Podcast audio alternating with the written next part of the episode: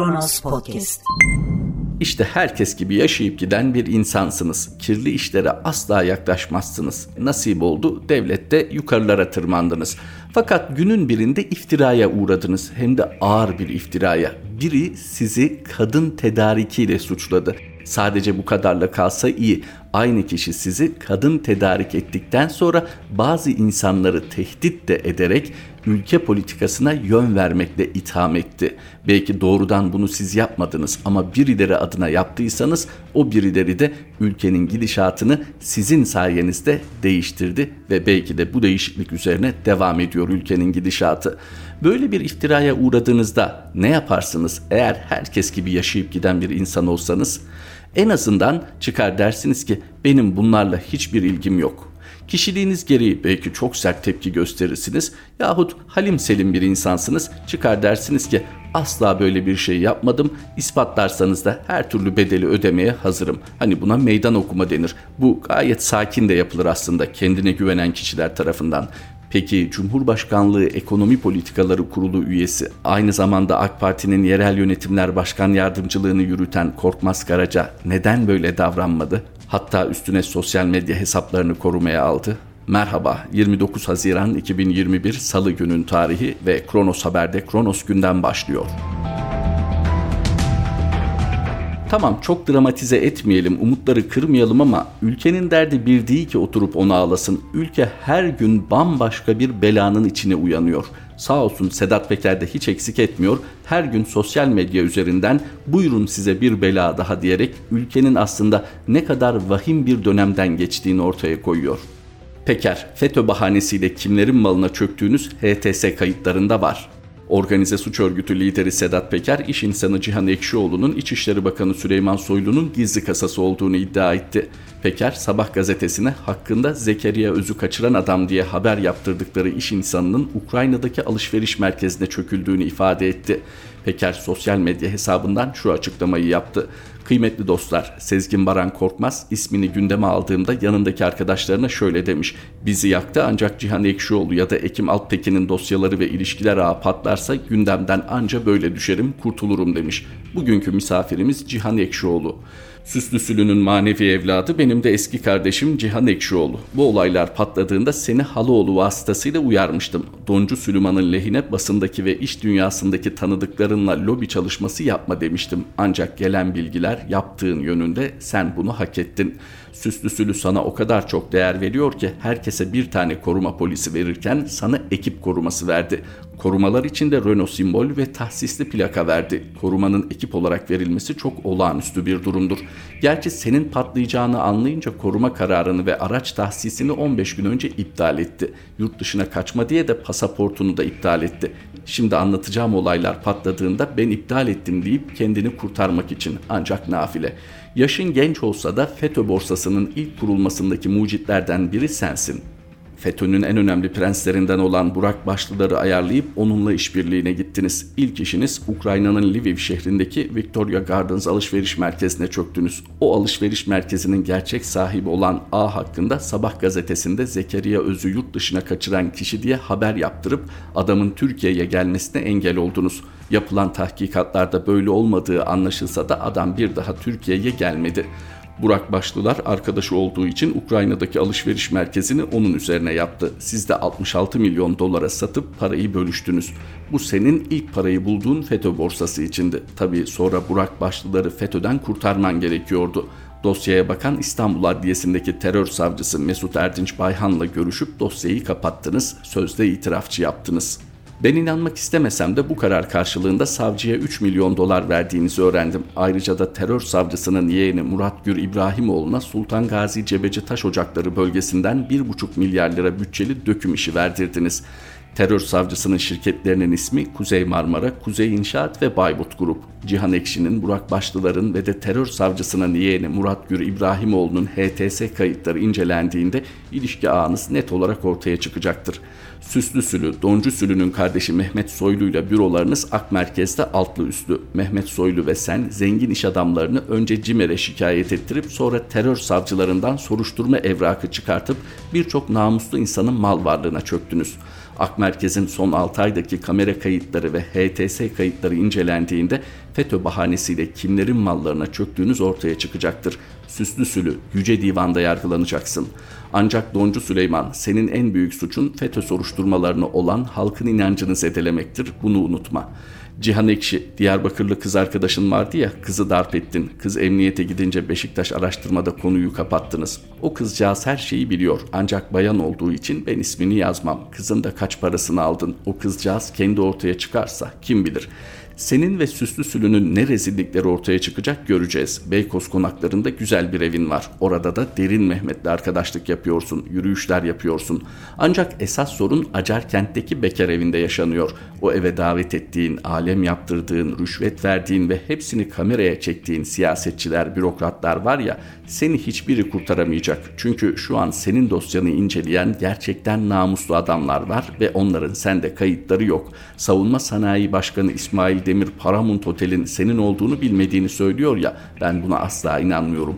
Bu konuyu başka bir gün ele alacağım ve hepinizi rezil edeceğim. Eşinin memleketi olan Beyaz Rusya'dan alınacağını söylediğin, Avrupa'daki şirketine fatura ettirdiğin ancak hala daha gelmeyen silah mühimmatlarını da anlatacağım.'' Süslü Sülü'nün gizli kasalarından biri olan Cihan Ekşi, İsraillilerden 3 milyon dolara aldığın sosyal platformların çözümlemelerini yapan cihazı Türk devletine 50 milyon dolara nasıl sattığında ortaya çıkacak. Vatan, Kur'an, iman deyip 20 katı fiyatına bizim devlete satıp 84 milyonun hakkını yediniz ama hepiniz göreceksiniz. Kendine bir kemer yaptırmışsın ya tokasında en az 500 bin dolarlık pırlanta var. Devran dönünce onların hepsi halka geri dönecek.'' Kafan güzelken padişah kaftanı giyip Acarkent'teki sosyal tesislere gidiyorsun ya bu millet sana o padişah kaftanını giymeyi gösterecek. Beyaz Rus olan eşin özel uçakla manikür pedikürünü yaptırmak için Bodrum'dan İstanbul'a gidip 2 saat sonra tekrar Bodrum'a dönüyor ya insanlar çocuğuna yemek alamadım diye intihar ederken siz fakir fukaranın parasıyla bu zevki yaşamaya devam edin. Sonunuz nasıl oluyor göreceksiniz. Ülkemizde yaşayan kadınlar 2 ya da 3 ayda bir kuaföre giderken siz bu zevki yaşayın. Bütün tanıdıklarına pasaportumun iptali kalkacak, koruma polislerim geri gelecek, tahsisli plakaları tekrar alacağım, sorunlarımı hallediyorum diyorsun ya, yanılıyorsun kardeşim. Milli istihbaratta görevli namuslu insanlar var. Senin dosyalarını onlar da takip ediyor. Süslü Süleyman polisteki dosyalarını kapatsa da istihbarattaki dosyalarını kimse kapatamayacak. Eğer bunu da başarırsanız bu millet sizi affetmeyecek. Hesabını kendisi soracak. Ekim Alptekin ve bazı iş adamları Süslü Süleyman için basındaki tanıdıklarınız tanıdıklarınızla, iş dünyasındaki tanıdıklarınızla lobi çalışması yapmayın. Sizi de patlatmak zorunda kalmayayım. Uyarıyorum. Doncu Sülü sen AK Parti'den büyük değilsin, sen Türk Devleti'nden büyük değilsin, göreceksin.'' Cihan Ekşi unutmadan el altından sosyal medyaya uluslararası büyük mafya diye sızdırdığın Botir Rahimov. Ben bu adamın iş yerinde misafiri oldum. Bu namuslu bir adam. Paramount Otel'in gerçek sahibi bu adamı nasıl dolandırdınız onu da anlatacağım. Sedat Peker uzun uzun anlattı. Video çekemiyor ama artık Twitter üzerinden söyleyeceği her şeyi söylüyor. Bu da tabi bulunduğunu söylediği Birleşik Arap Emirlikleri'ndeki güvenlik sorun açısından ne ifade ediyor bilemiyoruz. Onu da bir sorun olursa muhakkak paylaşacaktır. Peki şuradan başlayalım. FETÖ ifadesi Sedat Peker'in kullandığı haliyle mecburen anlatım için kullandık. Yoksa kesinlikle böyle bir terör örgütünün varlığına dair şu ana kadar bağımsız mahkemelerde ortaya çıkmış bir hüküm yok. Bununla birlikte somut bir delil de yok. Tekrar edelim bağımsız mahkemelerde. Peki Sedat Peker niçin şimdi Cihan Ekşioğlu'nu gündeme aldı? Kendisi belirtiyor zaten Cihan Ekşioğlu eğer uslu dursaydı bunlar olmayacaktı. Ama Cihan Ekşioğlu Süleyman Soylu'yu korumaya çalışıyor. Onun lehine lobicilik yapmaya çalışıyor.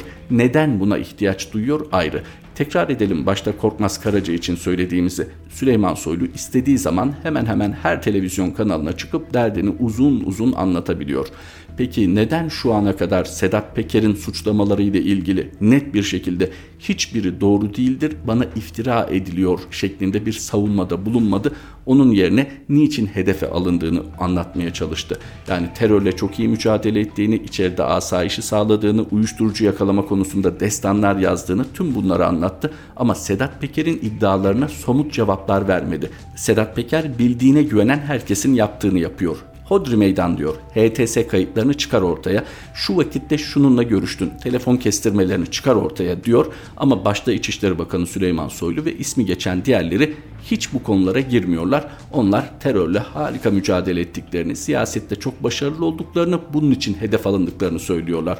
Bakınız doğru da olabilir. Yani gerçekten siyaseten önünüz kesilsin diye de bunlar yapılıyor olabilir. Bunu önlemenin çok basit bir yolu var. Çıkacak diyeceksiniz ki kesinlikle ilgisi yok. Hatta geçici bir süre görevinize veda edeceksiniz. Hakkınızda bağımsız bir soruşturma yürütülecek. Siz de alnınızın akıyla geri döneceksiniz. Belki de daha yukarıdan döneceksiniz. Fakat nedense pandemi yönetimindeki bir karışıklıktan dolayı Cumhurbaşkanını zorda bırakmak istemeyerek istifa eden Süleyman Soylu böyle bir konuda Cumhurbaşkanını zorda bırakmaktan hiç çekinmiyor.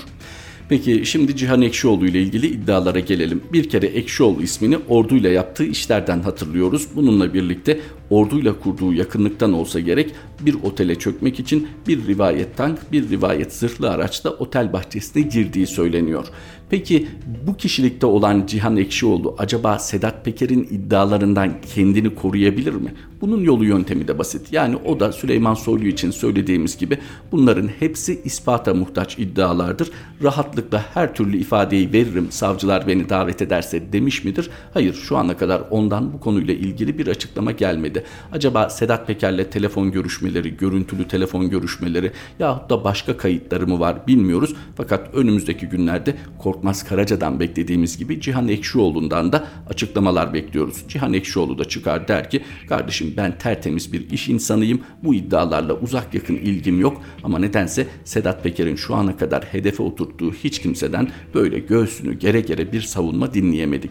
Peki Sedat Peker'e gelelim. Sedat Peker aslında filmlerde ve romanlarda gördüğümüzde pek hoşumuza giden iyi kötü adam değil. Sedat Peker her şeyden önce organize suç örgütü liderliği yapmış biri. Şu an kendisi evet ortada bir organize suç örgütü varsa bir çete varsa ben lideri değil üyesiyim ancak diyor. Olabilir kendince haklı olabilir. Fakat şu an çok yücelttiği devletin kayıtlarında bu şekilde bulunuyor Sedat Peker mutlaka itiraz görecektir ama iyi niyetli olmadığının bir temel göstergesi bunca gizli ve kirli bilgiye vakıfken hala masum insanlara FETÖ diye bir terör örgütü suçlamasında bulunması yaptığı işin hala maksatlı olduğunu gösteriyor.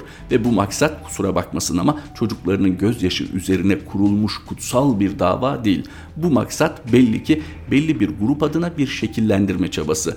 Evet anlattıkları doğrudur büyük olasılıkla. Çünkü büyük risk alıyor, kendini ortaya koyuyor, bağlantılarını ortaya çıkarma ihtimaliyle hareket ediyor ve anlattıkları şu ana kadar yalanlanmadı, yalanlanmıyor da. Ellerinde devletin imkanları olmasına rağmen itham ettiği isimlerin. Fakat gözden kaçırılmamalı Sedat Peker kendisine dokunulmadığı sürece birini hedef almıyor. Bunu niye belirtiyoruz? Yılmaz Özdil gibi muhalif bilinen kimi isimler sosyal medyada aslında Sedat Peker'e teşekkür borçlu olduğumuzu aktarıyor. Bakınız bir itirazımız yok gerçekten kötü ağır suçlar işlemiş bir hükümlü de size bir iyilik yaptığında teşekkür etmeniz onun hak ettiği kadar sizin de kişiliğinizle ilgilidir. Fakat bunca kiri pası üzerinde barındıran Sedat Peker'in tam da maksatlı olarak terör denilebilecek şekilde siyasi bir hedefi gözeterek bu ifşaatta bulunması Yılmaz Özdil'in yaptığı kadar övgüye değer değil. Çünkü kendisi de belirtiyor kişisel bir takım gerekçeleri de var ve belirtmediği kısmı da bu kişisel gerekçeleri ortaya koyarak aslında hiç de kişisel olmayan sonuçlar elde etmeye çalışıyor ülkenin geleceğiyle ilgili. Bakınız son kalemde istemeyerek de olsa iyiye güzele kapı açabilir suçlu insanlarda. Buna bir itirazımız yok. Ama burada Sedat Peker'in asıl kimliği gözden kaçırılmamalı. Anlattığı ne olursa olsun bir gün çıkıp kamuoyuna ben şu şu şu kabahatleri işledim pişmanım demediği, kendince tövbe etmediği ve milletinden de özür dileyerek yargı nezdinde cezam neyse çekmeye hazırım deyip teslim olmadığı sürece normal bir vatandaş statüsünde yer almayacaktır. Kendisine normalleşmek için Cumhurbaşkanı Erdoğan dahil pek çok sözüm ona meşru insanla fotoğraf vermeye çalıştığını biliyoruz. Kendisi de ifade etti bunu zaten. Hani meşrulaşması lazım. Halk nezdinde normalleşmesi lazım. Üzerine yapışan haklı ya da haksız organize suç örgütü lideri kimliğinden kurtulması lazım. Bunu istiyordu. Bunu açık açık da ifade ediyordu. Bugün anlattıkları buna hizmet etmeyecek. Yani kendisinin de ifade ettiği gibi bu kirli ilişkileri ancak bu kirli ilişkilerin içindeki kirli insanlardan öğrenebilirsiniz. Öyleyse konumunu kabulle yola devam etmek lazım. Aynı yargıya teslim olmuş biri gibi düşünülebilir ve ifşaatı araştırılabilir, araştırılmalı. Çünkü sözünü ettiği her şey ülkenin bugünüyle, ülkenin yarınıyla yakından ilgili. Peki normal şartlarda Cihan Ekşioğlu ve Sezgin Baran Korkmaz modeli iş insanları barınabilir mi? Bir hukuk devletinde işi çökmek olan, işi tefecilik olan insanlar barınabilir mi? Üstelik saygın iş insanları olarak ortalıkta göğüslerini gere gere dolaşabilirler mi? Bir hukuk devletinde bunun olmasına izin verilmez. Buna cesaret eden en ağır biçimde cezalandırılır ki örnek teşkil etmesin. Fakat başta Cumhurbaşkanı Sayın Recep Tayyip Erdoğan olmak üzere AK Parti'nin ileri gelenleri ve AK Parti ile işbirliği halindeki MHP gibi bir takım siyasi partilerde bu insanların meşrulaşmasında bile isteye rol oynamışlardır. Burada iddia edildiği gibi Erdoğan pay almıştır, diğer siyasiler pay almıştır bilemeyiz. Bilemeyiz ispata muhtaç. Fakat iddia eden iddiasında son derece ısrarlı şunu da atlamayalım. Sedat Peker aslında bir takım eleştirileri haklı çıkarırcasına Cumhurbaşkanı ile helalleşmesini de ötelemiş görünüyor. Burada belki araya hiç hesap etmediği isimler giriyor ama Cihan Ekşioğlu gibi kendi hikayesiyle sonradan bu ifşaat zincirine dahil olanlar sanki Sedat Peker tarafından özellikle gündeme getiriliyor. Belki biraz zaman kazanılıyor. Yani Cumhurbaşkanı ile acaba perde gerisinde bir pazarlık mı yürüyor? Bu soru son derece haklı. Sedat Peker bu konuda net bir cevap vermiyor. Bizde söz namustur. Bu söz 6 ay içinde de tutulabilir, 6 yıl sonra da tutulabilir. Bakınız şu an hala Türkiye gündemini rahatsız edecek paylaşımlarda bulunuyorsunuz. Cihan Ekşioğlu Süleyman Soylu ilişkisi Türkiye'yi rahatsız etmez mi? İçişleri Bakanı'ndan söz ediyoruz maalesef. Hala İçişleri Bakanı'ndan söz ediyoruz ve bunlar Birleşik Arap Emirlikleri tarafından Sedat Peker'in güvenliğini sağlamakta sıkıntı oluşturmayacak hususlar mı?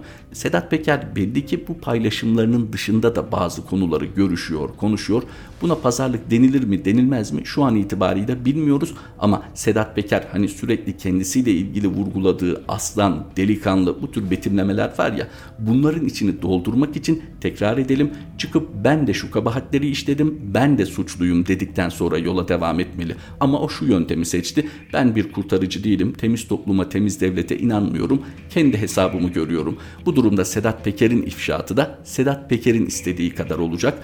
Dolayısıyla muhtemel bağlantılarının gerekli gördüğü kadar bu ifşaat devam edecek. Anayasa Mahkemesi örgüt üyeliğine MGK değil mahkemeler karar verir. Anayasa Mahkemesi kamu görevinden hukuksuz bir şekilde ihraç edilen 130 bin civarındaki KHK'li ile ilgili önemli bir karara imza attı. KHK ile kamu görevinden çıkarmada üyelik ve mensubiyet kriteri aranmasını anayasaya aykırı bulan Anayasa Mahkemesi iptal kararı verdi. CHP 6 Şubat 2018 tarihinde Türkiye Büyük Millet Meclisi Genel Kurulu'nda kabul edilerek yasalaşan 7086 sayılı olağanüstü hal kapsamında bazı tedbirler alınması hakkında kanun hükmünde kararnamenin kabul edilmesine dair kanunun bazı maddelerinin iptali talebiyle dava açtı. Mahkeme Milli Güvenlik Kurulunca devletin milli güvenliğine karşı faaliyette bulunduğuna karar verilen yapı, oluşum veya gruplara üyeliği ve mensubiyeti bulunduğu gerekçesiyle ihraç kararı verilmesini anayasaya aykırı buldu bir kişinin yasa dışı bir oluşuma üye sayılıp sayılmayacağına olağan dönemde MGK'nin değil yargının karar vereceğini düzenlemenin masumiyet karinesine aykırı olduğu görüşünü savundu. Üyeler mevcut düzenlemenin anayasada güvence altına alınan masumiyet karinesine aykırı olduğunu, kimsenin mahkeme kararı olmaksızın suçlu ilan edilemeyeceğini savundu. Olağanüstü halin ilan edildiği 20 Temmuz 2016 tarihinden bu yana 30 kanun hükmünde kararname yayımlandı. Bunlar elbette başta anayasaya aykırıydı fakat artık ortada anayasada yoktu, yasalarında bir hükmü yoktu. Burası akıl ve vicdan sahibi herkesin doğruluğunu teslim ettiği nokta. Peki bundan sonrası için Milli Güvenlik Kurulu kararlarının mahkeme kararı yerine geçemeyeceğini vurgulayan Anayasa Mahkemesi'nin bu görüşü ne ifade edecek? Ülkede şu an gerçekten hukuk ve hukuka saygı mevcut olsaydı siyasi otorite tarafında bir umut olurdu. Unutmayın şu an ülkenin cumhurbaşkanı ülkeyi cumhurbaşkanlığı hükümet sisteminde tam da tek adam rejimlerinde olduğu gibi yöneten Recep Tayyip Erdoğan bu ülkede Anayasa Mahkemesi kararını tanımadığını, bununla da yetinmeyip bu karara saygı duymadığını ifade etmiş biri. Şimdi biz bu şartlarda ne güzel Anayasa Mahkemesi böyle bir hüküm verdi. Bundan sonra her şey normale dönecek diyebiliyor muyuz? Bizi umutlandırması gereken Anayasa Mahkemesi kararı ile ilgili sadece bekleyip göreceğiz demekten başka bir şey gelmiyor elimizden. İster istemez bir de şu geliyor aklımıza. Acaba mevcut siyasi otorite Anayasa Mahkemesi'nin bu kararı üzerinden yeni dönem farklı bir dizayn çabasına mı giriyor? Onu da ancak yaşayarak görecek Türkiye. Kronos Haber'de Kronos gündemin sonuna geldik. Tekrar buluşmak üzere. Hoşçakalın. Kronos Podcast